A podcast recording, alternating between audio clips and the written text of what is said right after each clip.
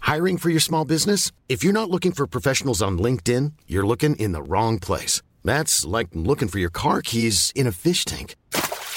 LinkedIn helps you hire professionals you can't find anywhere else, even those who aren't actively searching for a new job but might be open to the perfect role. In a given month, over 70% of LinkedIn users don't even visit other leading job sites. So start looking in the right place. With LinkedIn, you can hire professionals like a professional. Post your free job on linkedin.com/people slash people today.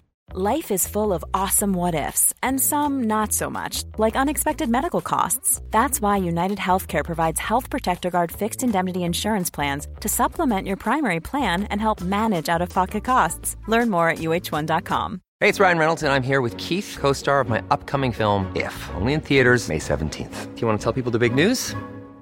All right, I'll do it. Sign up now and you'll get unlimited for $15 a month in six months of Paramount Plus Essential Plan on us. Mintmobile.com slash switch. Upfront payment of $45 equivalent to $15 per month. Unlimited over 40 gigabytes per month. Face lower speeds. Videos at 480p. Active Mint customers by 531.24 get six months of Paramount Plus Essential Plan. Auto renews after six months. Offer ends May 31st, 2024. Separate Paramount Plus registration required. Terms and conditions apply if rated PG.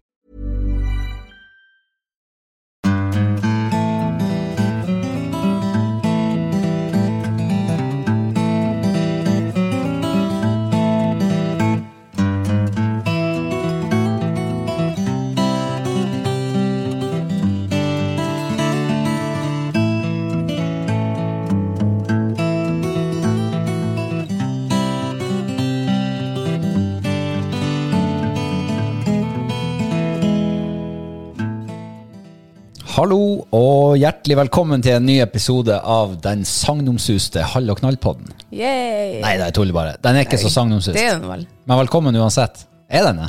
Nei, jeg vet ikke hva det betyr egentlig. hva du sa? Sangomsusende. Nei, hva du sa? Sagnomsuste. Å ja, sagnomsusende. Ja, det er jo den mytiske, legendariske Altså, det er i, det, i Ja. den leia der. Så vi kan vel ikke helt påstå at vi er der riktig ennå. Nei, men det, er noe, det hørtes bare litt sånn her positivt ut, så jeg tenkte at vi er sikkert der. Kanskje når vi sitter og snakker sagnomsust. Mm. Sagnomsust. Det ordet har jeg aldri hørt før. Har du ikke? Nei. Nei. Man lærer så lenge man lever. Yes. Mm. En dag uten læring er en dag uten næring. Ikke sant? Så i dag har du lært noe. Ja, det har jeg. I hvert fall om sagnomsust. Mm. Ja. Har du lært noe nytt i det siste, da? Oh yeah. Jeg har lært at det er svinaktig tungt å gå i gaupeterreng. jeg er så sliten! Ja. Du ser sliten ut. Ja. Og så, jeg tror aldri i løpet av de fem-seks årene som jeg har kjent det, at du har klaga så mye på i løpet av en helg. Beklager. Ja. Men jeg kan ikke trekke det tilbake. Nei. Altså, det er lov å klage, altså, det er ikke det. Jeg syns jo bare det er litt artig, for at du klager jo lite ellers. Ja, eh, det er, jo, det er jo det som er så fint med meg, at jeg klager veldig lite til vanlig. Ja. Men eh, i går så var det faktisk eh, Det var innafor, syns jeg, da i hvert fall, å klage. Ja. For det var altså eh, Vi trodde vi skulle jo gå i, i eh, flatt og fint terreng. Men nei da. Det var opp og ned og klyving i alle retninger. det var skikk- Vi ble jo oppringt på fredagen om å være med på gaupejakt. Mm. Eh, Det var observert en gaupe der på fredags ettermiddagen. Så eh, de lurte på om vi hadde lyst til å komme ut på lørdagen og jakte på den gaupa. Og vi spurte jo hvordan terrenget var. Ja, det var jo det var litt kupert. Eh, Ja. ja, litt. Fy faen, altså, for en berg-og-dal-bane innover dit. Å, jeg var sliten. Og isatt og foksne og Altså, det var alt, all slags fører du kan drømme om, Ja, nesten. og det var all slags vær også. Ja, det er Det jo var solskinn, og så var det faen meg orkan i kastene, og så var det snestorm, og så var det solskinn igjen. ja. Og så var det vindstille. Ja, Og, ja, det der var Men når de verste snøbyggene ga seg, så ble det jo skikkelig fint. Mm. Kan du drage oss gjennom Ja, for gaupejakta starta jo på mandag. det startet på mandagen, ja. Kanskje vi ta, Skal vi ta mandagen først? Ja, vi var jo ute på mandagsmorgen før eh, sola hadde tenkt tanken på å stå opp. Og fuglene ikke hadde tenkt tanken på å fise ennå. Nei. Ja. Ja, hvor- det var jo egentlig bare skit. Vi hoppa i bilen før det, mens det ennå var mørkt, da. Spora fem timer. Ja. Jeg Og hadde, ble til og bil og med, på føtter og Ja, jeg hadde jo tatt meg en avspaseringsdag òg. Ja, For snakk om bortkasta avspaseringsdag. det var det. Vi så ingenting. Vi så de gamle gaupesporene vi så eh, to dager før. Mm. Ellers er det steindødt. Ja, det var masse elgspor. Ja, Det, var det, det var det ferskeste sporene vi fant. det var det, ja. Men vi så sola. Det gjorde vi, ja. Shit, den var fin. Gud, han var fin ja, og skarp, og Ja. jeg måtte myse for å Jeg har jo ikke sett solen på sikkert tre måneder. ja, det var første gangen du så sola faktisk den dagen. Oh yeah. Ja, jeg hadde jo fått et lite gløtt et par dager tidligere. Ja, du juksa, du for til kysten. Bort til kysten, opp i høyden. Ja. Ja, det er det som skal til. Men nå har jeg jo sett sola ofte, eller? Ja. Mm. Men hvordan var det der første gjensynet med sola for deg? Det var fint, jeg ble sånn god og varm i sjelen, sånn som jeg hadde tenkt det skulle bli. Ja. Så eh, nå, og jeg syns jo bare eh, siden mandagen, så er det, dagen blitt så forbanna lang. Mm. Forbanna lang, faktisk. Nei, altså sånn altså positivt meint, da. Ja, altså blitt forbanna mye lenger. Forbanna mye lenger, ja. Ja, det er noen fordeler med den mørketida. Man, er for- man er fort ferdig, da. ja. Ja. Men mandagen, det var jo ikke noe action. Vi, Nei, det var Mm. eh, bortkast. Vi var hjemme i halv to-tida, tror jeg. Da var, hadde vi spor alt av. Alt som var. Ja. Nå eh, var vi jo heldige sånn sett, i og med at eh, det var den der øverste sonen, den var jo stengt. Så vi, det var ikke noe vits å spore helt opp hjem til gammelplassen din. ja, det var det jo ikke. Så eh, vi gikk jo glipp av noen mil med vei, da. Ja. Ja. Men eh, d- mandagen, den forbigår i stillhet, sånn mer Han gjør det, mindre. ja. I hvert fall i, i hukommelsen vår. Ja, for det er jo i helga vi har hatt action. Ja. Eh, vi for jo ut i går morges og skulle spore etter den gaupa. Og vi fant jo et, eh, et spor som var gått innover. Det her var jo på en halvøy, og den halvøya er fem kilometer lang. Mm. ja. Eh, vi fant jo fort gaupespor som var sikkert ti centimeter snø oppi. Men det hadde jo snødd hele natta. Mm. Eh, men vi fulgte nå etter dem. I fem kilometer. Ja. I et helvetes terreng. Jeg tror vi brukte tre timer innover dit. Ja, godt over to i hvert fall. To Ja. og en halv. Ja. ja. Det var krevende det der. Det var skikkelig krevende. Ja. Men vi var, næ- vi var nære på, altså. Vi delte jo oss en eh, ja, åtte- 700-800 meter fra havet, fra spissen. Mm. Ja, Ja, og for det, var- det er jo du som er taktikeren når det kommer til gaupejakt. Det er jo du som har erfaring med det. Jeg gjorde jo bare det jeg fikk beskjed om. ja. Men eh, ja, og så hadde vi jo fått oss nye jaktradioer og greier. ja det var, ble kanskje litt vel skravling i den jaktradioen der. Det var veldig dårlig dekning på den. Ja, Så eh, jeg måtte jo hele tida drive og kjøre radio check, radio check. ja og det var så irriterende, for at jeg hørte jo deg, men du hørte ikke meg. Så at jeg, uff, jeg var- det kokte i meg. Ja, men du skjønner, det er det som er når man eh, tar radiocheck og du ikke får svar, så må du eh, forflytte deg et stykke eller prøve igjen litt seinere. Så det var jo egentlig bare det. Det var jo mitt gamle militærinstinkt som slo inn. Ja, ja. Radio transmitting eh, exercisen. Men jeg trodde jo, de hadde, eller jeg trodde jo at du var tatt av et skred eller noe, for at eh, vi, når vi delte oss, ja, det gått kanskje, jeg vet ikke hvor lang, ja, det gått kanskje ti minutter. Og der hører jeg det ikke mer, det var plutselig slutt å kakle. Ja. Og jeg tenkte, hvorfor ble jeg litt redd? Så da måtte jeg ta opp jaktrønnen og, og kontakte deg, nei, ingen lyd. Og så prøvde jeg å ringe deg, nei, det var, ikke var det dekning på telefonen din. Og da tenkte jeg at nei, nå har han gått ut for et stup eller et eller annet, så jeg måtte jo snu da. ja. Ligge i havet. Det er då- dårlig dekning under havets overflate, tenkte du. Ja, jeg tenkte, jeg tenkte bestandig det verste, men jeg tenkte nå at du skal nå i hvert fall ikke være alene der. så jeg snudde da. Det var egentlig litt jævlig dumt. For at Ja. Hadde jeg fortsatt, så hadde jeg kommet ut på da, ja, den retninga som eh, gaupa som du eh, spora, Ja, sprang i. ja for jeg eh, f- fulgte jo det der gaupesporet. Og vi hadde jo en idé om at hvis vi støkker på den, eller noe sånt, så fær den i en eller annen retning. Og at du kanskje skulle klare å sj- avskjære den. Men siden, eh, siden du trodde jeg lå i havet, så gikk vi jo glipp av den sjansen. Ja. Men jeg eh, spora meg nedover der, og, eh, ja, og, ja, og så fikk jeg jo kontakt med han, eh, han som hadde ringt oss og, Ja. og invitert oss utover. Han hadde plutselig dekning på sin jaktradio, milevis unna. Så han prata med meg der og, og eh, lurte noe på hva vi fant og sånn. Det var nå en lengre samtale. ja. Og så idet jeg liksom la på, slutta å prate med han, så plutselig så ser jeg jo en gaupe i full galopp nedover skogen der. Ja. Og jeg ble jo så forfjamsa. Jeg had- Det var ikke sånn jeg hadde sett for meg at det skulle være. Jeg tenkte jo at han skulle liksom, hvis jeg ser gaupe, så skal han få gå rolig og sånn. Og bare gløtte bak seg og kikke hvor jeg er. Og. Nei, det var full gass nedover. Ja. Så jeg ble jo helt rådvill. Jeg sto der som en nysluppen fjert i en svær gymsal. Ante ikke hvor jeg skulle gjøre av meg, og hva jeg skulle gjøre. Så jeg lurer vel på om jeg fikk så vidt kontakt med deg, og du sa ja, du må jo bare følge etter han, følge etter han. Ja, det var da, du, det var da jeg hørte deg. Du sa gaupe, gaupe, gaupe.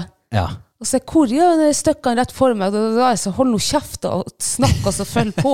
ja. Jeg, det var fortsatt litt dårlig dekning, så jeg hørte ikke alt hva du sa, men jeg skjønte av toneleiet ditt at eh, jeg skulle i hvert fall ikke bli stående der. Nei, og skakle. Ja.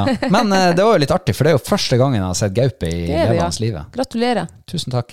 Selv om det varte i to sekunder, så var det en, eh, ja, det var en fin opplevelse. Du er en opplevelse rikere, du. Kan du sjekke den av? Mm. Nå kan jeg sjekke den av. Så eh, det var jo bratt, så det var skikkelig gaupeterreng nedover der. Ja. Så jeg prøvde jo å følge etter de sporene. Og eh, det var jo vanskelig, for det var flåg på venstresida mi og så veldig trangt på høyresida, så jeg sklei nå nedover der i Det var jo mye is under den sneen nedover. ja. Og så traff jeg på de sporene igjen. Skikkelig springspor. Altså, det var ordentlig han hadde levert av gårde der. Så jeg fulgte på dem helt ned i fjærsteinene. Men hva du fant før du eh, Ja, ja, ja, jeg fant jo et eh, reinkadaver. Ja. Stemmer det. Så han lå jo en, Da lå vi bare en 30-40 meter ifra reinkadaveret. Der lå han på dag, daghvilen sin.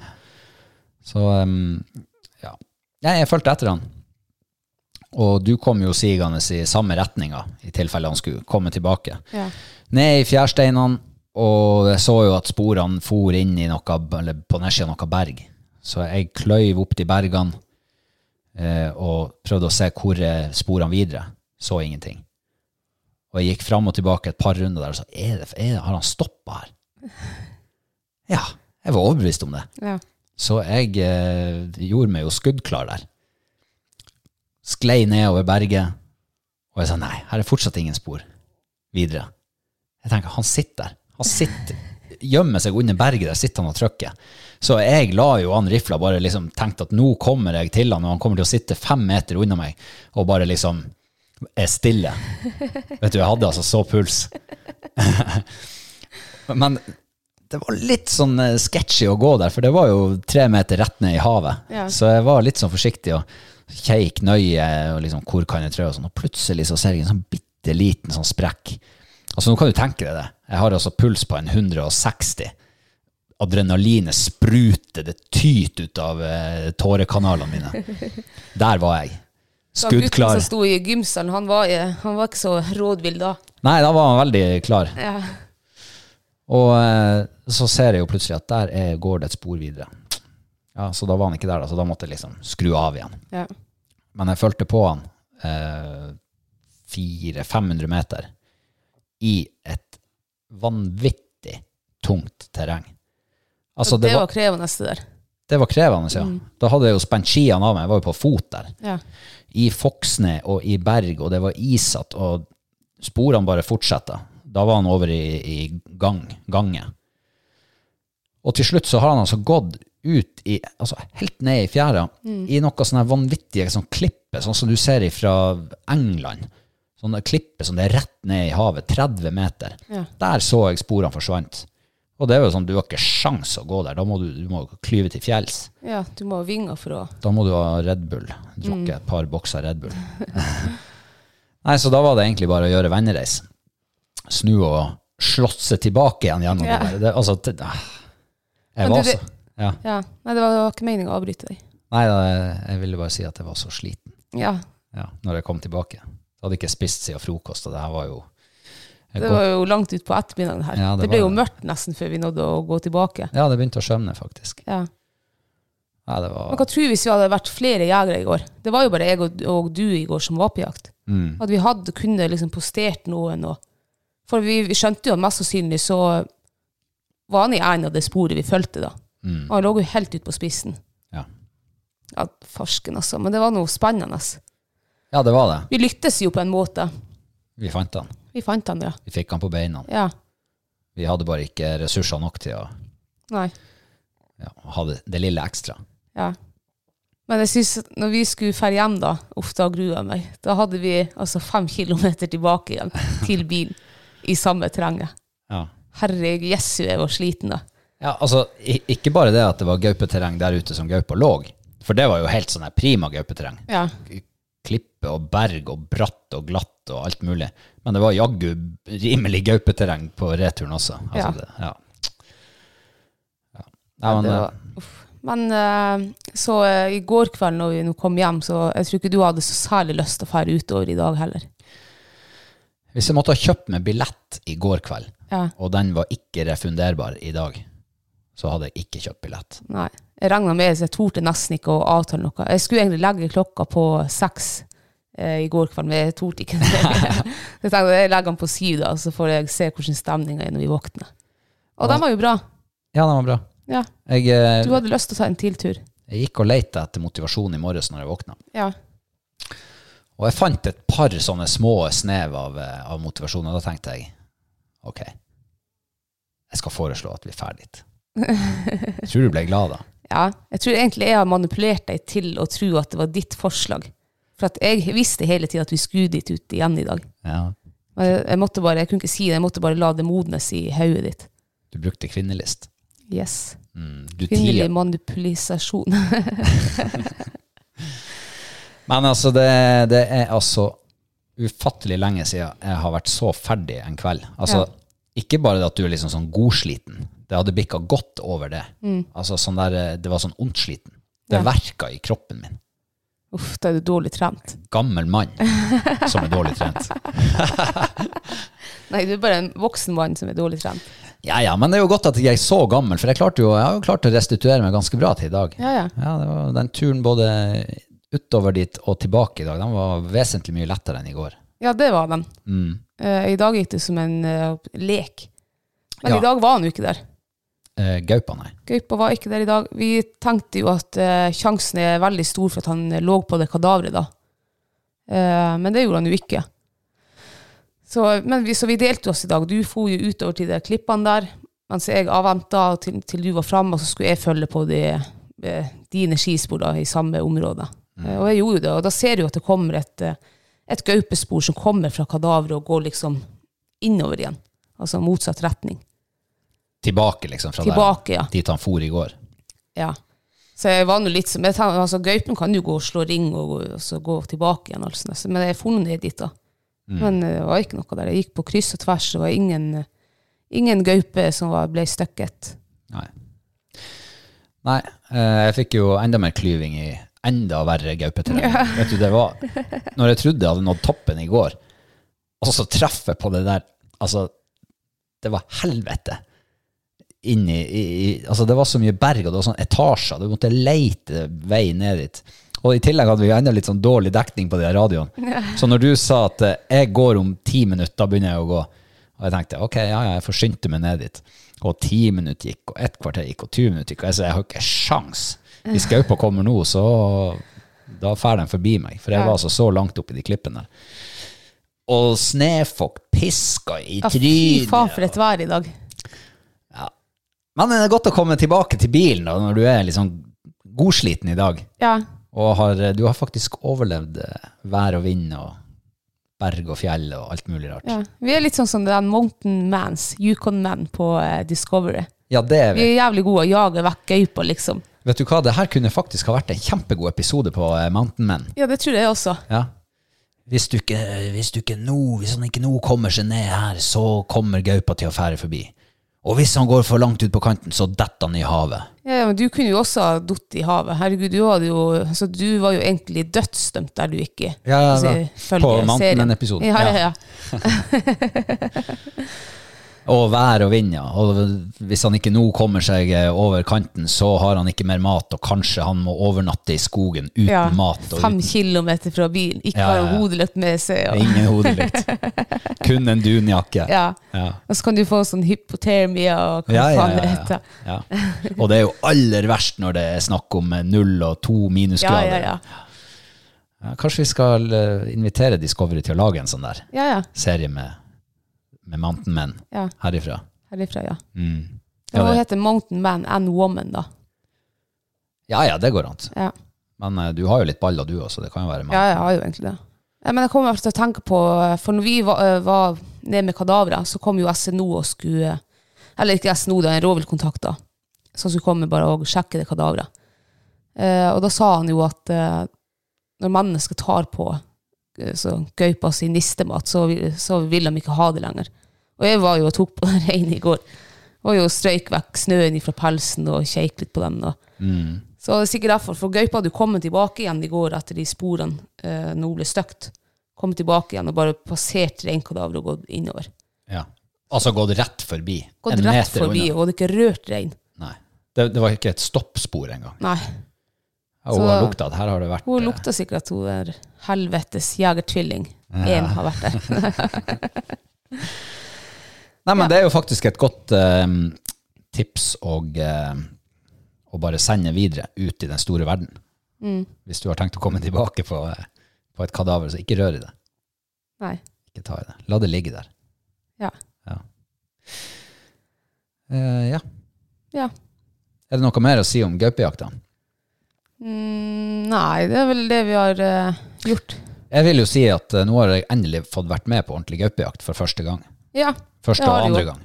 Og første gangen var jo Det var utrolig spennende. Var det. Mm. Og jeg kan tenke meg til at eh, i et- kanskje i et litt annet terreng eller med litt andre Litt flere folk, så hadde man faktisk hatt god sjanse til å, å få i- gaupefall. Ja, det tror jeg også. Den halvøya er jo ikke så forbanna brei heller, så det lar seg jo gjøre å, å sette ut ei postrekke der. Tenk å ha en hund med seg. Ja, Mm. Hvis hunden han har hadde klart jo- å kløyve der, da. Det tror jeg ikke en hund hadde klart. Nei. Men eh, det var jo litt artig òg, fordi at eh, samene var jo og lette etter reinene sine. De hadde en liten flokk utpå der som, eh, som de ikke fant. nei. I går var den jo sporløst forsvunnet. Sporløst De borte, hadde ja. sett den dagen før. Ja, og det var ikke spor etter rein, det var ingenting. Eh, Men i dag så spora du dem opp. Ja, i dag så jeg dem. De var 200 meter ifra reinkadaveret. Mm, Så da fikk jeg sendt dem en melding om eh, hvor de var hen, da. Ja. Så nå var de eh, kommet trygt frem dit de skulle. Mm. De Så har det var fått bra. kontroll. Ja. Ja. Nå er de eh, gjenforent med resten av familien sin. Ja. Ja. Men eh, du har jo vært på eh, mer rovviltjakt i uka. ja. Jeg for på torsdagen, så tok jeg med meg eh, Fighter Reborn. Spanna dem fast foran meg, og så dro jeg til fjells og skulle kikke etter rev eller jerv. Og vi kom oss til fjells. Kom dere dere til vi fjells? kom oss til fjells. Shit, dere er flinke, altså. Det var jo litt, det hadde jo snødd eh, i løpet av hele natt, og så var det ganske mye vind når vi kom dit opp, så det var litt dårlige vind, nei, vindforhold. Det var dårlige sporingsforhold. Mm. Mye sånn her avblåst eh, Men du kom deg til fjells i alle fall. Komme til fjells. Jeg skulle ønske jeg var like flink som deg. Ja. Hva er trikset, liksom? Trikset er å ha en hund foran deg. Å ja, det er det. Drakraft. Ja. Nei, vi kom nå dit, og jeg så jo både jervespor og gaupespor og revespor. Og så så jeg noe annet spor også som eh, Jeg vet ikke helt hva er. Det var store hundespor. Mm, Så jeg la noe ute på Facebook, for jeg vet jo at folk liker jo å skrive om ulv og sånn. Tenkte jeg skal nå ikke foreslå ulv. Men jeg vet ikke om det var det heller. Nei. Men eh, eh, noe gaupe var det ikke. Og rev var det ikke. Ja, da gjenstår det jo Det, det er hundedyr, er det. Ja. Men de var skikkelig svære, de sporene der. ja. Jeg hadde skistaven min, den er 1,35 cm lang. Så jeg tipper at de eh, skrittlengda på det dyret var 1,25 cm. Og eh, fotavtrykket på dyret det var like stor som håndflata mi. Mm, ja. Så jeg vet ikke. Det var et gammelt skispor der med eh, hundespor i, altså en liten hund. Så om den, eh, det gamle skisporet hadde med seg en stor hund også, som jeg tilfeldigvis så akkurat der, det kan godt hende. Ja. ja, ja. Men eh, apropos ulv, da. Så eh, sia- siden du er litt usikker sjøl òg, Ja, så eh, dukka det jo opp en eh, video på eh, en Facebook-gruppe. det gjorde jeg. Eh, gruppa heter vel noe sånn Åtejakt og lokking på rødrev. Ja. Og eh, det var jo faktisk ifra kommunen her. ja, det var faktisk ifra der vi har jakta gaupe nå i helga. Ja. Den halvøya. Mm. Kan du si litt om den? Ja, der var jo, han har jo en åte der ute med viltkamera eh, på. Og da var jo plutselig dukka opp noe, et merkelig dyr. Det var nå ikke rev eller gaupe eller katte eller noe sånt her. Eh, Det lign- for meg så hadde ikke jeg vis- heller visst at det var filma herifra, så hadde jeg foreslått coyote. Såpass eksotisk. Jeg vet ikke, den ligna så forbanna mye på coyote. Coyote ugly? Ja. Eller ugly coyote? Nei, sånn prærieulv. Ja. Ja. Men det er jo ikke her oppe. Det er jo ikke her, nei, så da er det jo bare gjenstår det, altså, det må jo være ulv. Ja, altså, debatten raser jo på Facebook-gruppa. Ja, de aller fleste dem stemmer jo for at det der var ulv. Noen eh, mente jo det kunne være en sjakal for at de hadde observert i, Mm. i Finland. Men det tror de ikke. Er det observert sjakal i Finland? Ja. ifølge han eh, som skrev det. Ja. Men det eh, høres nå, jeg vet ikke. Sjakal er ikke det sånn her eh, Hvor de kommer ifra? Nei, jeg har ikke Ørken peiling. eller noe? Ja, ja. Er det sjakal i USA? Det vet jeg ikke. Eller er det Kanskje det sjakal er borti- Russland? Sånn, ja, sånn Asia, liksom. Asia? Ja, det tror jeg. Ja. De traktene. Eh, Det tviler jeg for at det, sjakal ligner det heller ikke på. Altså, nå er jo ikke Finland så veldig langt unna Russland, det er jo faktisk veldig nært. Men hvis det skulle være, hvis det er sånn der østlig rase sånn borti øst, Øst-Russland, Ja. så er det jo et stykke å spasere helt ut hit og finne veien ut på den halvøya der. ja. eh, Nei, jeg vet ikke. Men eh, jeg ble jo litt nysgjerrig på det der. Så jeg googla jo ulv. Ulv på viltkamera. ja. Og da dukka det jo opp en film på VGTV, faktisk, som eh, de var fra Østlandet en plass, hvor de hadde fanga opp flere ulver. Og det som slo meg, det var at de der eh, ungulvene som var på denne filmen der, var altså klisse lik. ja. Litt sånn kort hale og litt sånn eh, tynne bein, på en måte. Man tenker jo at ulven har veldig sånn kraftige, store bein. Men eh, de var- nei, jeg syns det ligner veldig, så jeg tror jeg stemmer for at det er en ung ulv, det der. Ja, det tror jeg også. Han var jo til og med halvt.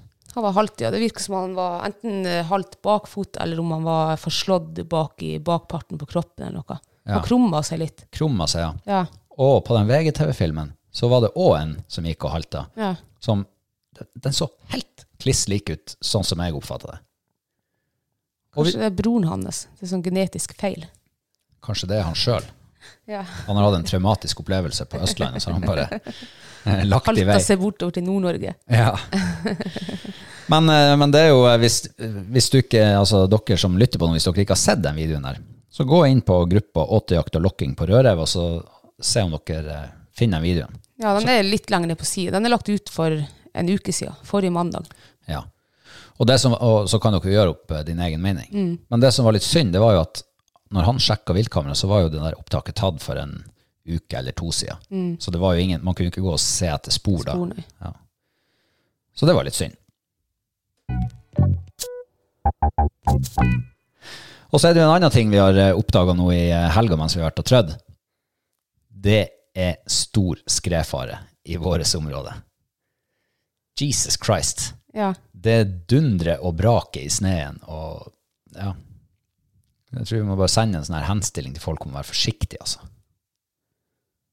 Du er jo veldig redd for skred. ja, jeg har stor respekt for eh, skred. Jeg er, heller- jeg er nesten litt sånn på nippet sånn til redd, jeg. Ja, t- Så jeg er veldig forsiktig. Jeg tror ikke min skjebne er at jeg kommer til å havne i et snøskred snøskred noen gang. bank i bordet. Ja, Ja. ja. ja. Men, men eh, det, det er altså eh, Nå vet ikke jeg hvordan det er sørpå, men nordpå. Det har vært frost i to måneder uten snøpåfyll. Og eh, nå er det kommet snø. Det er, det er skummelt. ja. Jeg hørte jo hvor mye det drønna i, både i dag og i går når vi har gått i terrenget, og det spriker seg opp. Og. Mm, Nei, da er jeg ekstra, så da har jeg øya i nakken og overalt, og kikk liksom gjerne en Altså kikk framover i terrenget der jeg Jeg planlegger ruta bedre, da, for å si det sånn, Mm. når man trør i snø. Derfor jeg syns det er litt ekkelt å gå i ukjent terreng. Når det Ja. er sånne, liksom. Ja, veivalg er jo eh, ekstremt viktig, Ja. særlig når det er skredfare. Ja, og sånn som nå når vi har gått, det har vært litt flatt lys, du, eh, så du ser litt dårlig, du be kan bedømme feil og alt sånt der. Men føler du at du gjør gode vurderinger? Ja, det føler jeg at jeg gjør. Jeg føler at jeg evner, og eh, hvis jeg er på tur en plass, og så bare ser at nei, det her går ikke, så enten snur jeg og går hjem, eller så finner jeg en annen løype dit. Jeg går ikke, jeg tar ikke, jeg tar ikke sjanser, det gjør jeg ikke. Har du fått med deg det der huskeordet for eh, å gå trygt i skredterreng? Nei, Følg rygg, vær trygg, ja. og hold deg unna 30 grader. Eller brattere. Mm. Ja. Nei, vi får håpe at eh, nå, nå kommer det jo ikke til å stabilisere seg her oppe. Det kommer til å være skredfare resten av vinteren. mest Tror jeg, ja. sannsynlig. Ja, ja, det, På grunn av det underlaget som er. Det laget med noe som er sånn sukkersne, det er Ja, det tåler ikke mye. Har du løst utskred noen gang? Har jeg løst ut skred? Ja! Åja, Når vi var små, eller sånn ungdom, ja. så brukte vi å gå opp i eh, en sånn ur oppe i fjellet. Og eh, der var det så artig å liksom eh, lage sånn her Vi, vi trødde opp en sånn eh, start på et skred, og så hoppa vi på det der. Sånn at det løstes ut et lite sånn skred nedover. Tuller du? Nei, nei. Og det artigste var jo å ligge og så bli med den skreia ned liksom, og liksom svømme opp på den. Det var ikke store greiene. Det kunne være liksom tre meter bredt. Og det var ikke så bratt at det liksom ble Det ble ikke sånn kjempestort. Men eh, jeg havna frampå der en gang. Litt for langt fram i skreia. Så jeg lå helt framme liksom, på skredtunga. Ja. Og det som skjedde der, det var at det var en sånn her sentrifugeeffekt som lå Altså sneen rulla liksom framover, helt fram på skreia der. Og jeg svømte meg fram dit, og så begynte jeg sjøl å jeg begynte å bli liksom dratt under, eller dratt med liksom i den der trommelen. Og da fikk jeg kjenne på kreftene i et bitte lite skred. ja. Så jeg kan tenke meg hvordan det er i et litt større skred. Visste foreldrene hva dere drev på med? Nei, Nei. jeg håper ikke de hører på denne episoden. Men jeg håper andre foreldre hører på, da, for det, hvis dere gjorde det for eh, 30 år siden, så er det sikkert unger i dag også som eh, leker har samme tanken. Ja, det kan godt være. Og det vi det gjorde, kan jo vi være livsfarlig. Ja, ja, men vi var jo oppvokst på en liten halvøy som ikke hadde noe særlig skredterreng. Vi var Nei, ikke nei. vant med, til å liksom forholde oss til skredfare. Nei. Um, Nei, dere visste vel ikke? nei, vi hadde ikke peiling. Så eh, når jeg begynte å operere i Lyngen, så var liksom Ja, nå må vi være forsiktige, for her er Mm. det skredfare. Jeg tenkte, skredfare? Hæ, den der lille sida? Næsj, det er ikke skredfare der. Men alle lyngsværingene, de var veldig sånn derre skredvant, på en måte. Ja. De, de var vant til at her kan det gå skred. Ja, ja. Det var ikke vi fra der jeg er fra. Nei. Så eh, ja, nei, ja. Hvis du har unger som er ute og holder på i bratt terreng, så må du i hvert fall ikke be dem å løse ut skredet Nei, det med var- vilje. Kikk hva de driver på med. Ja, ha et lite øye i, i retning der de er. Ja. Ja. Vi løste ut en gang et skred, jeg og han og jeg har trent det. Og da er det sånn her kjent terreng som jeg, jeg tror aldri jeg har sett det gått sånn eh, snøskred der før. Jeg har jo sett det i ettertid, så det, er- det er vel en sånn her plass som, som utløses lett. Så vi var i hvert fall med hundene, og eh, da drar både hun Fight og Vamli de drar opp i den sida der, for det var ryp, fjellrype som var på oversida. Og når de var nesten øverst, så løste de ut skred der. Og det var kanskje 30-40 meter bredt. Altså, hundene løste ut skredet. Hundene løste ut sk- sneskred. Jøss. Og vi var jo rett under, så vi, måtte, vi skidde oss jo bare ned og prøvde å rope på hundene og fulgte med at ikke de ble tatt. Men heldigvis, ingen ut av de hundene sprang. liksom. De begge to var i utkanten av snøskredet, på hver sin side. De begge ta- eh, to sprang beint nedover, de kryssa ikke. Jøss. Uff, da var jeg redd. Da husker jeg det stoppet. Det her var jo rett attmed hovedveien, så det stoppa jo en mann der og ropte om det gikk bra, og ja, sa vi det. Og han sa nå liksom at ja, vi må være forsiktige, her går det skred, og, og det visste jo ikke vi. Så etter det, da har jeg blitt enda mer forsiktig. For den sida er ikke så den, altså, den, er, den er ikke så lang, er den ikke. Altså Men det- sånn høg, liksom. Ja, den er ikke lang, eh, hva den var maks, ja, vet da faen, 50 meter lang kanskje. Å ja. Men det ble skikkelig stort skred av det. Du skulle sett nederst, altså der det stoppa. ja. Det var jo faen meg Det var jo eh, snøsvære som hus. Eller hytte. Sto- Store hytter som kom ned her. De ble veldig interne, men Det er fra den lokale revyen en gang i tida. Ja. Ja. Nei, så da at eh, det er det eneste snøskredet jeg har, altså jeg har sett. Og, Men det trenger jo ikke å være rare sider for at jeg skal kunne løse ut et farlig skred. Nei, det fikk vi jo oppleve der og da. Ja, og det der, altså 50 meter høy, det er jo ganske stor side. Men Ja. eh, du trenger ikke mer enn eh, Jeg tror jeg har hørt en sånn mellom 5 og 10 meter høy Det var så, side. Hvis den er bratt nok, Ja. Mm. eh, og det er mye snø, så kan det altså bli fatalt. For det er så mye krefter i den snøen når den Ja. kommer ned. Så eh, ja, man skal være forsiktig. ja, uff, da fikk jeg, så jeg ble redd der da. Jeg fikk sånn støkk. Sånn. Ja. Ja, skjønner jeg godt.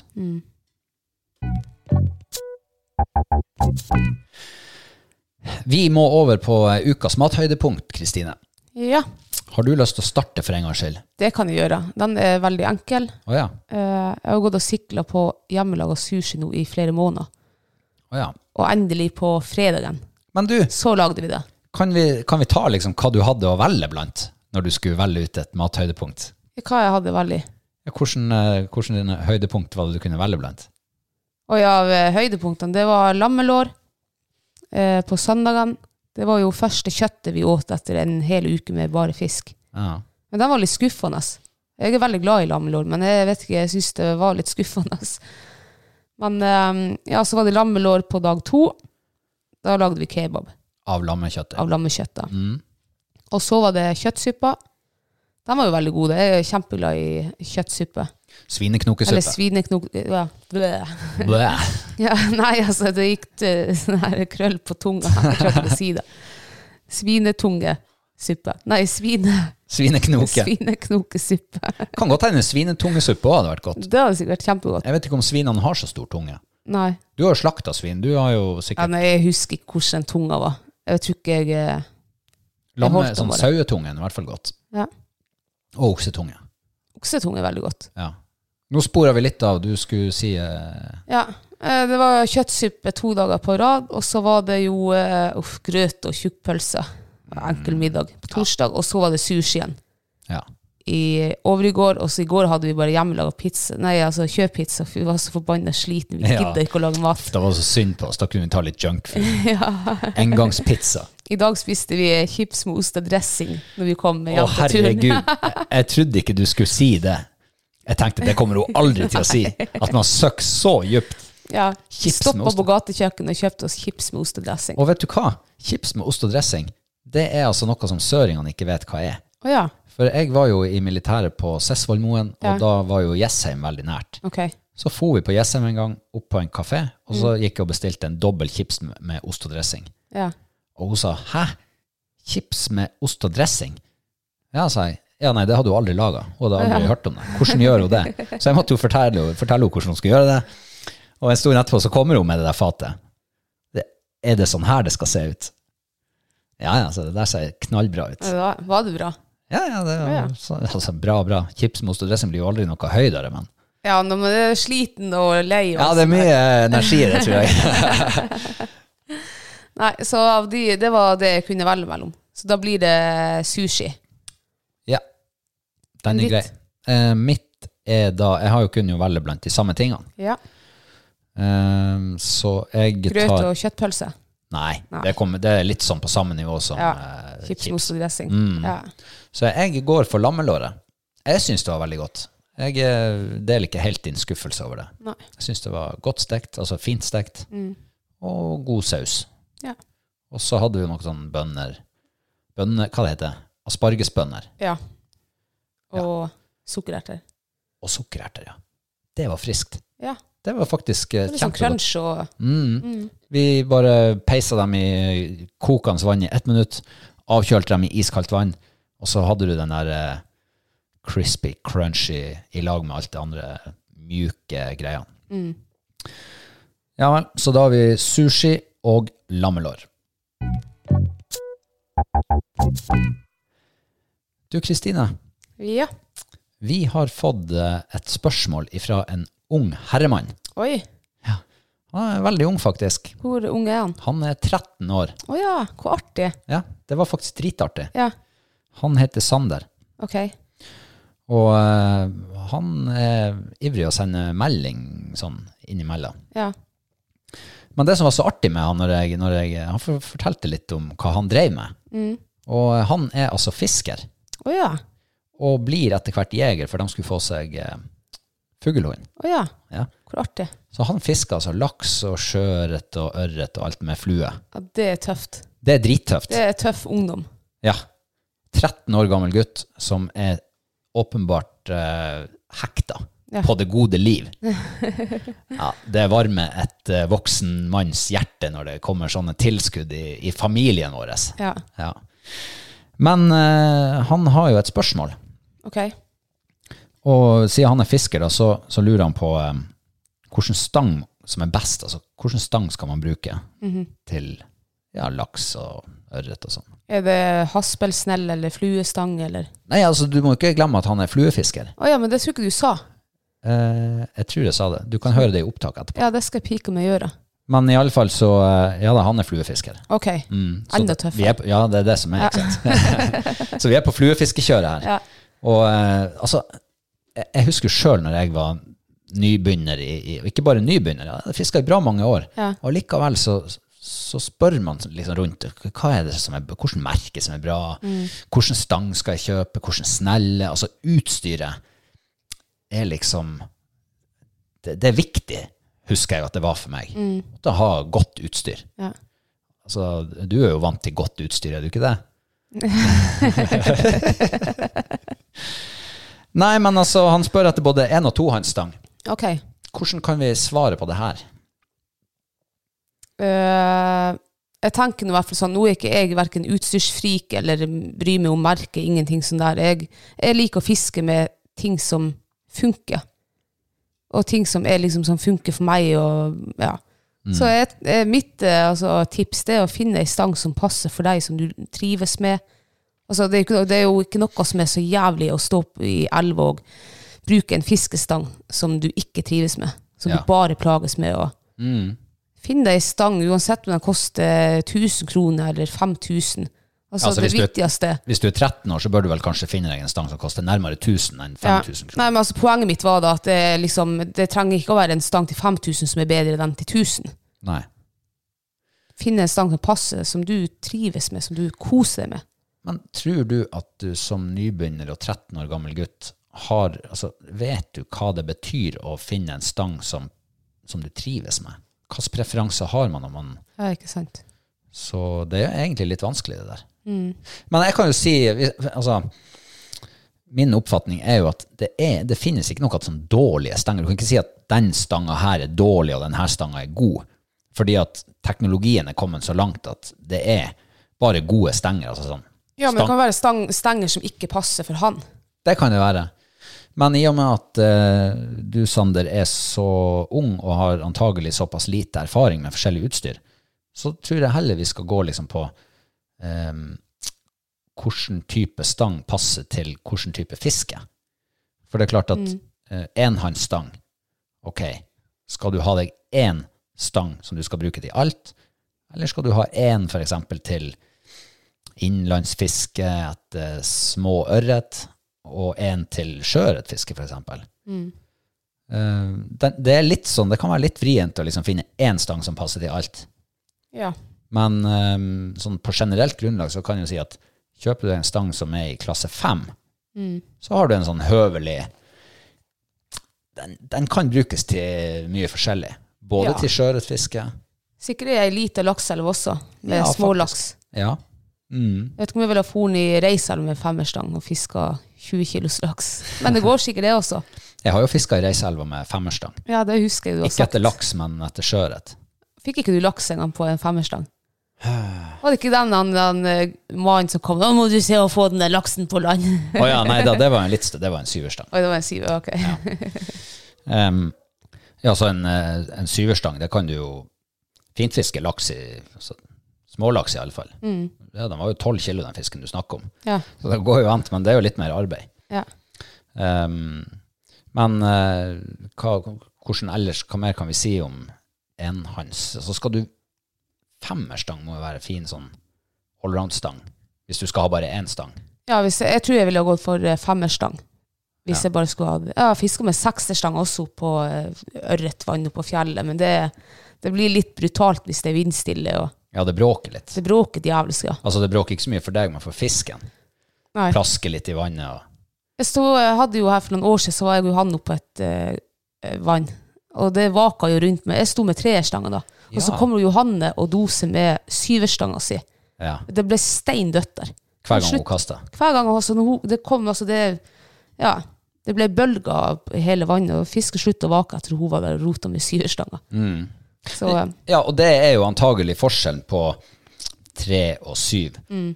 Eh, Det blir veldig mye bråk. Og det der er jo egentlig et kjempegodt eh, god illustrasjon på akkurat det. Mm. Ehm, og, og som du sier, treerstang, du brukte det. Mm. Det er jo kanskje den der deilige kosefiskestanga når det Ja, er sånn der Gud. blikkstille vann, ørreten vak i nærheten. Ja. Så hvis man skal ha den der eh, Når du trenger at det skal være litt, litt stille, du skal ikke bråke og plaske så mye, så gå for en treerstang. Eller en firerstang. Eller en firerstang. Jeg fikk meg jo en firerstang eh, femmer i fjor. Ja. Ja. Eh, og det var jo nesten bare den jeg brukte i fjor. Den var altså så god å kaste med også hvis det var litt vind. Altså Det var så mye bedre enn en trestanga. Ja. Så det- ja. ja, den første fluestanga jeg kjøpte meg, var jo en fem-sekserstang. Å ja. Kjøpte jeg for konfirmasjonspengene mine. Og den knakk i bildøra til slutt. Nei. uff. Ja, men da kjøpte jeg meg en firerstang. Mm. Og den brukte jeg i mange år. Ja. Egentlig Mm. ganske, Det er faktisk en veldig fin allroundstang, det ja. Eh, På mange måter bedre enn en femmerstang, så lenge det er snakk om ørretfiske. Mm. Eh, men skal du over på litt sånn skjør at den skal tåle litt større flue, ja, så vil jeg kanskje ha den femmer. Ja. Femmer er jo ganske Den, den er jo regna som en allround-stang, Mm. sånn sett. Ja. Men eh, tohands, da? Da snakker vi jo laks. Tohånds, ja. Eh, ja. Jeg fikk min første tohåndsstang i eh, bursdagsgave for ja, åtte-ni år siden. Ja. Og jeg har fått flere nye stenger etter det, men det er fortsatt den jeg eh, sverger til. Den er altså så deilig å kaste. Det var den første stanga du fikk, ja. Første stang jeg fikk, det var en slings, øh, slingshot. ja du må tro om, eh, siden du, For du liker den fortsatt? Jeg liker den fortsatt, ja. Ja. Må tro om du kanskje Har du tilpassa liksom, kastinga di til den stanga? Det har jeg nok helst ikke gjort. Det var den jeg liksom lærte med, så det er sikkert den jeg har også lært mye feil med når jeg får en annen stang i hånda. Jeg vet ikke. Ja, ja, men det der er jo litt interessant, fordi at da er det jo Da gjør jo den første stanga at den passer for deg. Ja. Ref det vi har snakka om tidligere. Og når du da kjøper deg en ny stang, så har den litt annen aksjon. Du, den krever kanskje en litt annen kastemåte. Ja. Og så får du det ikke å funke så godt med den. Nei. Så ja. Men jeg tror hvis det, hvis det, det er en nybegynner liksom skal ha en stang Jeg var jo nybegynner da. Jeg hadde, altså, jeg hadde overhodet ingen peiling hvordan du skulle kaste med ei laksestang, altså tohånds fluestang. Og Jeg synes faktisk, jeg lærte meg ganske fort med den stanga der. Så kanskje det er en sånn der eh, nybegynnerstang også. Ja, jeg vet ikke. Men eh, det er jo også Når du er 13 år og skal ha din første tohåndsstang Kan jo hende han har en tohåndsstang, det sa han ikke noe om. Men eh, la oss nå si at han ikke har det. Ja. Så ville jeg jo ikke ha kjøpt meg en eh, kjempestor 15-16 fot stang som er beregna for å stå og denge kjempetunge snører og dritsvære fluer i Namsen 1. juni når det er vårflom, iskaldt i vannet og fisken står stabla dypt. Jeg har hørt det. Jeg har aldri gjort det. Men eh, det blir man sliten av. Ja.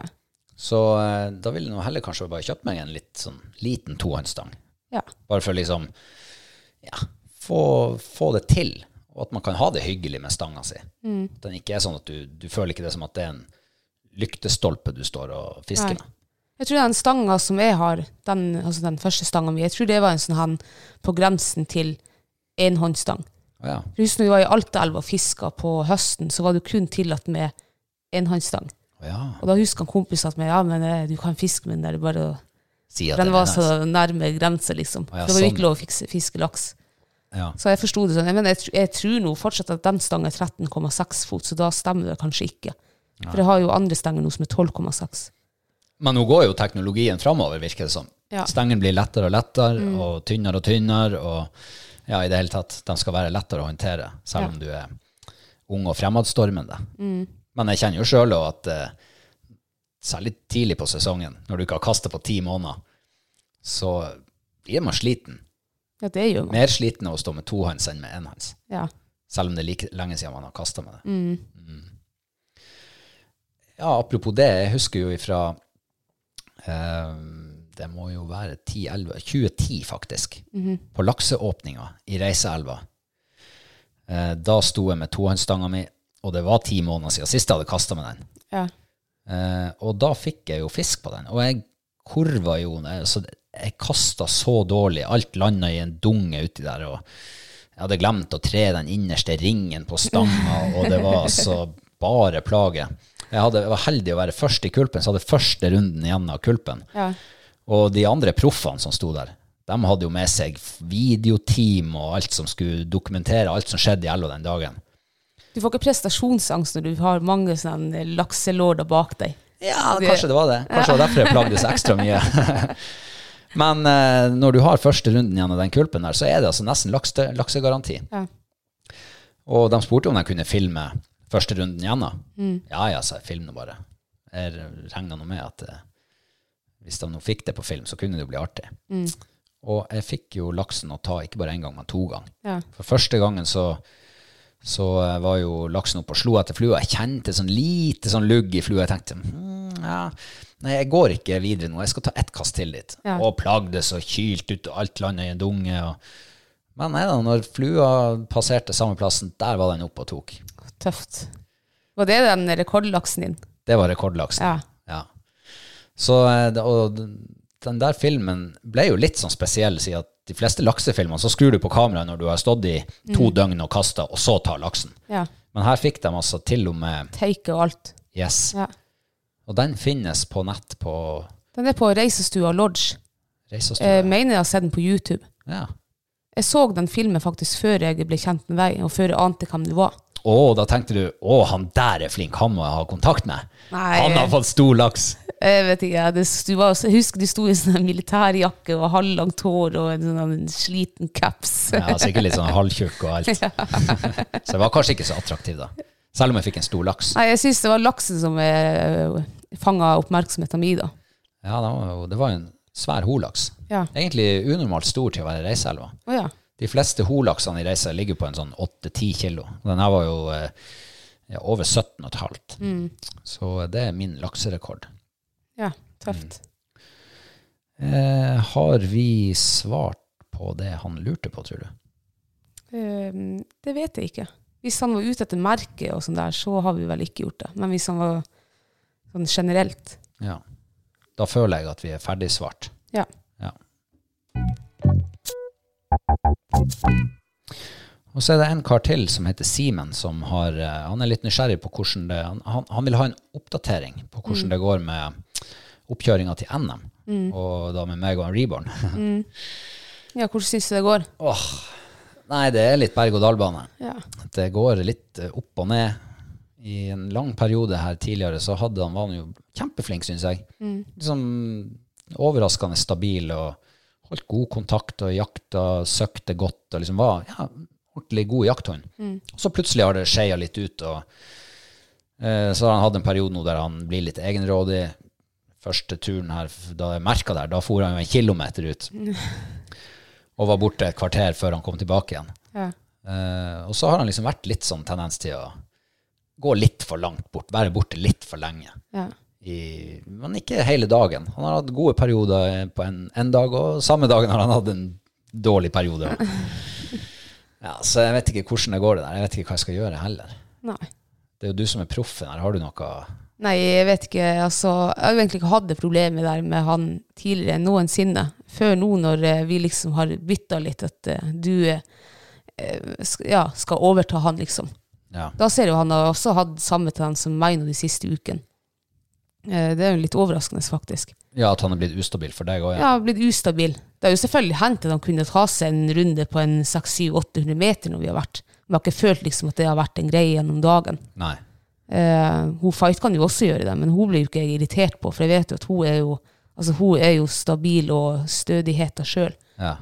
Um, så nei, jeg vet ikke. Er han, er, er han en sånn one man dog? Kanskje det er det. Og så nå er han liksom midt imellom Midt imellom to noe. stykker. Ja. Han er mellom barken og veden. Ja. Er du veden, eller er du barken? Nei, jeg vet da farsken hva jeg er nå. Nevra. Du er lett å Men han tegne. finner jo fugler, det er han stødig på. Det er han. Og eh, kanskje det har vært, det har vært jævlig dårlig rypeår i år. Kanskje han tenker at han må gå, «Åh, jeg må gå dit. Jeg er litt sånn når jeg går på tur. Så tenker han nå skal jeg snu, og så nei faen, jeg må gå til neste haug. Og så går jeg dit, så nei faen, det er bare 200-300 meter til, så skal jeg snu. Kanskje han er litt sånn. Ja. ja, kanskje det er det. Ja. At han føler at han får ikke dekka nok terreng hvis han går i lag med oss og jakter liksom, på vanlig hold. Han må ta en, eh, en sjekk Mm. Ja. om det er sånn eh, Og så må vi jo se terrengene også. Nå nå når han har vært litt ustabil for meg på høyfjellet, så har jeg gått i skogen med han, og der går han jo som en gud. Han går jo, han går jo ikke lenger enn 120 meter ifra meg på hver sin side. Nei. Så jeg, tru- jeg tror også det. Han er litt sånn her eh, terreng. Er det ei eh, stripe med biotop som strekker seg 600-700 meter ut, ja, så vil han gjerne ta den, da. Og hvis den strekker seg en 300-400 meter bak oss, så vil han gjerne ta det også. Ja. ulempen er jo at eh, det er jo ikke skog på Andøya, og det er ikke du som skal føre han. Så det er jo der vi står. Ja, men eh, Andøya tror jeg er helt perfekt terreng for han. Ja, det er jo det For som Mm. han er håpet. ikke ja. Der har du jo gjerne at det er ei eh, lita buskas på 500-600 meter over ei svær, hvit myr. Ja. Og veldig mange hunder vegrer seg. Altså de, de stopper halvveis og snur og går tilbake igjen. Ja, og da har de ikke jakta seg gjennom et biotop i det hele tatt. Nei, ikke på sant. sin vei. Så der tror jeg Andøya det tror jeg kan være et jævlig bra terreng for han. Ja. ja, ja, jeg krysser nå fingrene. Og så er han jo jævlig rask også. Det er det som er, vet du. Ja. Han springer jo som en virvelvind når han virkelig gir gass. Ja. Ja.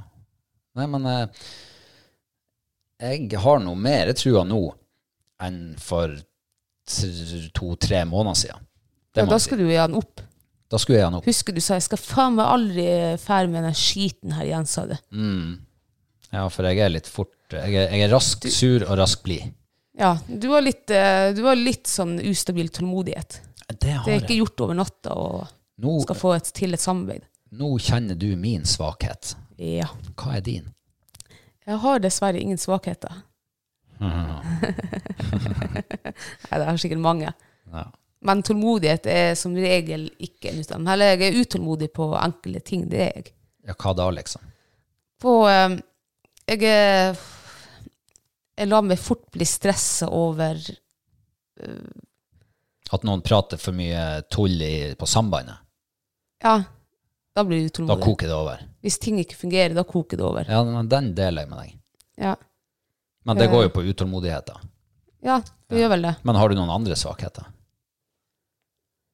Nei, jeg er jævlig sta, men det kan jo være eh, også positivt. Det kan det være. Ja. Mm. Utålmodighet kan jo også være både positivt og negativt, avhengig av hvilken eh, situasjon du er i. Ja. Nei, vi har vel alle våre skavanker. Ja, ja da, skavanker har vi òg. ja, men eh, jeg regner med, Simen, at du eh, sitter og krysser fingrene og følger med på liveoppdatering når noe NM kommer for en dag. Og så, og så eh, heier du litt på oss, for det tror jeg vi trenger. Eh, Det er altså sånn, Kristine, at eh, vi har jo fått et lite samarbeid med Vom og Hundemat Det har vi, ja. i hele februar måned. Yay! Verdens beste hundefôr. Nå er jeg jo litt inhabil og siden jeg sjøl er sponsa det. Ja. Men, eh, men det her samarbeidet går altså ut på at uh, våre patrions, som eh, da har en aktiv konto siste dagen av februar, er med i trekninga av eh, to poser med 900 gram um, frysetørka vom. Og det er altså en kanongod sak å ha med seg. Enten på fjellet eller hjemme, eller altså bare når du har glemt å ta opp Tine vanlig vom. Ja. Og det fungerer jo også utmerket som sånn snacks, sånn der eh, belønningsfôr. Ja, det Vi hadde jo han Siggy her, den Shiba-inuen her Oh, forrige uke. yeah. Og det gikk mye frystørka på han, og han elsker jo det. Han gjorde jo alt rett. Ja, ja, ja. Alt det jeg ville han skulle gjøre, gjorde han. Mm. Eh, så, så det er da trekning eh, 28. februar. Mm. Eh, og eh, ja, så er det to poser. To poser, ja. Det varer en stund. Det gjør det, ja. Ja, for du bruker vel kanskje 200 gram i døgnet. 100-200 gram i døgnet per hund. Hva vi brukte nå når vi var i sommer på langtur? Vi porsjonerte vel ca. 110 gram til dem hver per dag. Ja, faktisk. Ja. Mm. Ja. Da ligger de jo gjerne i ro. Hvis du skal bruke dem også som aktivitet, fullfòre gjennom jakta, så går det jo selvfølgelig mye mer. Da går det litt mer. Ja. Men det var, det var jo høyt fettinnhold i det der. Det var det, ja. Så det er jo kjempegodt til eh, høyintensitetsdager også. Ja, ja, absolutt. Eh, Så det er da premien i februar. Eh, Og så har vi en ny Patrion som vi er nødt til å takke. Ja. Mm. Husker Det- du hvem det var? Søstera di? Hun trenger ikke å lure på hvor hun er fra. Nei. Hun heter Tonje. Ja. Hei, Tonje. Heia. Den så ikke jeg komme. Nei, ikke jeg heller. Det var jo kjempetrivelig. Ja, desto Ja, mm. Ja. Nå er hun eh, min favorittperson i denne familien. er jo det. Ja, ja. ja. Det er så enkelt, så, faktisk. så enkelt er det. Men det er også en ny kvinne som er kommet inn i, eh, Det er det, ja. i familien vår, altså vår, fa- liksom. Ja. Patron-familien. ja. Ja. Eh, og eh, ja, jeg skulle til å si at Eller jeg sa jo det, vi trenger ikke å gjette på hvor hun er fra. Men hun er jo reiseværing. Hun er reiseværing, ja. Men hun er jo blitt byværing. ja. bor jo i Tromsø. Tromsøbyen. Tromsøjente. Så eh, tusen takk til deg, Tanja. Tusen takk, ja. Kjempetrivelig. Og eh, vi har plass til mange flere. Mm. Og hvis vi nå skulle være så heldige og så komme helt opp til 50, så skal vi også trekke ut en kokebok. Jegertvillingenes kokebok. Signert utgave. I hvert fall av deg. Ja. Det er litt verre å få Johanne å signere. Det blir litt mer sånn logistikk, så det gidder vi ikke. Nei. Hvis ikke hun plutselig står på Vi døra. har nå samme skrift, også, så jeg kan jo skrive Johan også. Ja, men det jeg liker ikke juks. Nei. Ikke sånn på, på lavt nivå heller. Nei, det er sant. Eh, ja. Da er vi vel eh, ferdig for i dag, er vi ikke det? Er vi det, ja? Jeg tror det. Å ja. Skal vi kjøre en liten jingle? Ja. Ja. Eh, Før vi eh, legger på røret, hvis det går an til å si, så eh, er det jo sånn at eh, vi har jo altså kanaler i øst og vest. Vi har YouTube, der ligger det masse gamle filmer og noen av nyere dato. Og så har vi jo nettsida vår. Der er faktisk ganske mye innhold der òg. Mange gode mathistorier og serien om å fight og, og eh, ellers sosiale medier. Så bare følg oss der hvis du ikke eh, allerede gjør det. Og så blir vi superglade hvis du tar og rater oss på eh, iTunes. Nei, det heter ikke iTunes. Apple Podcast. Å ja. Går det an til å rate der? Der kan du rate, ja. Oi. Og det er fordelen med den kanalen der, altså Ok. Mm. den plattformen. For det kan du ikke gjøre på Spotify, f.eks. eksempel. Det er jo på Spotify flest lytter på oss. Men eh, der kan du ikke rate, så vidt jeg har funnet ut av. Nei. Ja. Altså, du kan jo sende oss en melding og si 'nå var dere dritt'. Ja ja, herregud. Ja, så skal vi si 'ok, kanskje vi skal prøve å være litt mer dritt neste gang'. Mindre dritt. Mindre! Ja. Sa jeg mer? Ja, du sa litt mer. Herregud, altså. Ja, det er uka er over snart. Takk Gud, kan vi begynne med blanke ark i morgen? Ja, men altså, tilbakemeldinger blir vi veldig glad for. Ja, så send oss veldig. gjerne på en eller annen måte. Mm. Og så kanskje vi tar en ny Q&A-spesial en eller annen gang. Ja. Ikke, ikke neste gang. Ja, hvem vet. ja, sikkert. Vi får se. Hvis vi får spørsmål, så. Ja. Men eh, da er det vel ikke eh, noe annet å gjøre enn å takke for følget Ja. denne gangen. For dere en trivelig uke. Mm. Så ses vi neste søndag. Break a leg, er det ikke de sier. Mm. Ja, jeg tror det. Ha det bra! Ha det.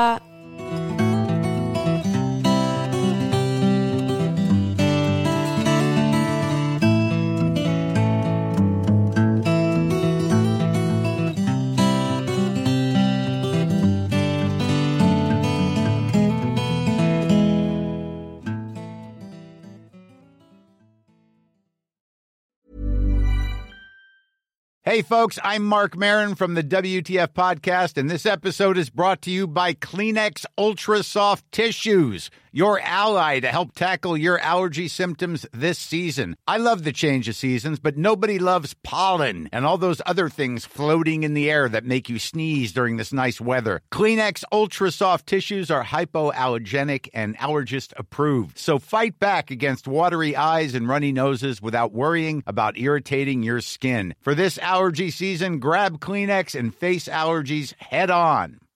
Hi, I'm Daniel, founder of Pretty Litter. Cats and cat owners deserve better than any old fashioned litter. That's why I teamed up with scientists and veterinarians to create Pretty Litter. Its innovative crystal formula has superior odor control and weighs up to 80% less than clay litter. Pretty Litter even monitors health by changing colors to help detect early signs of potential illness. It's the world's smartest kitty litter. Go to prettylitter.com and use code ACAST for 20% off your first order and a free cat toy. Terms and conditions apply. See site for details. Hi, I'm Daniel, founder of Pretty Litter. Cats and cat owners deserve better than any old fashioned litter. That's why I teamed up with scientists and veterinarians to create Pretty Litter. Its innovative crystal formula has superior odor control and weighs up to 80% less than clay litter. Pretty Litter even monitors health by changing colors to help detect early signs of potential illness. It's the world's smartest kitty litter. Go to prettylitter.com and use code ACAST for 20% off your first order and a free cat toy. Terms and conditions apply. See site for details.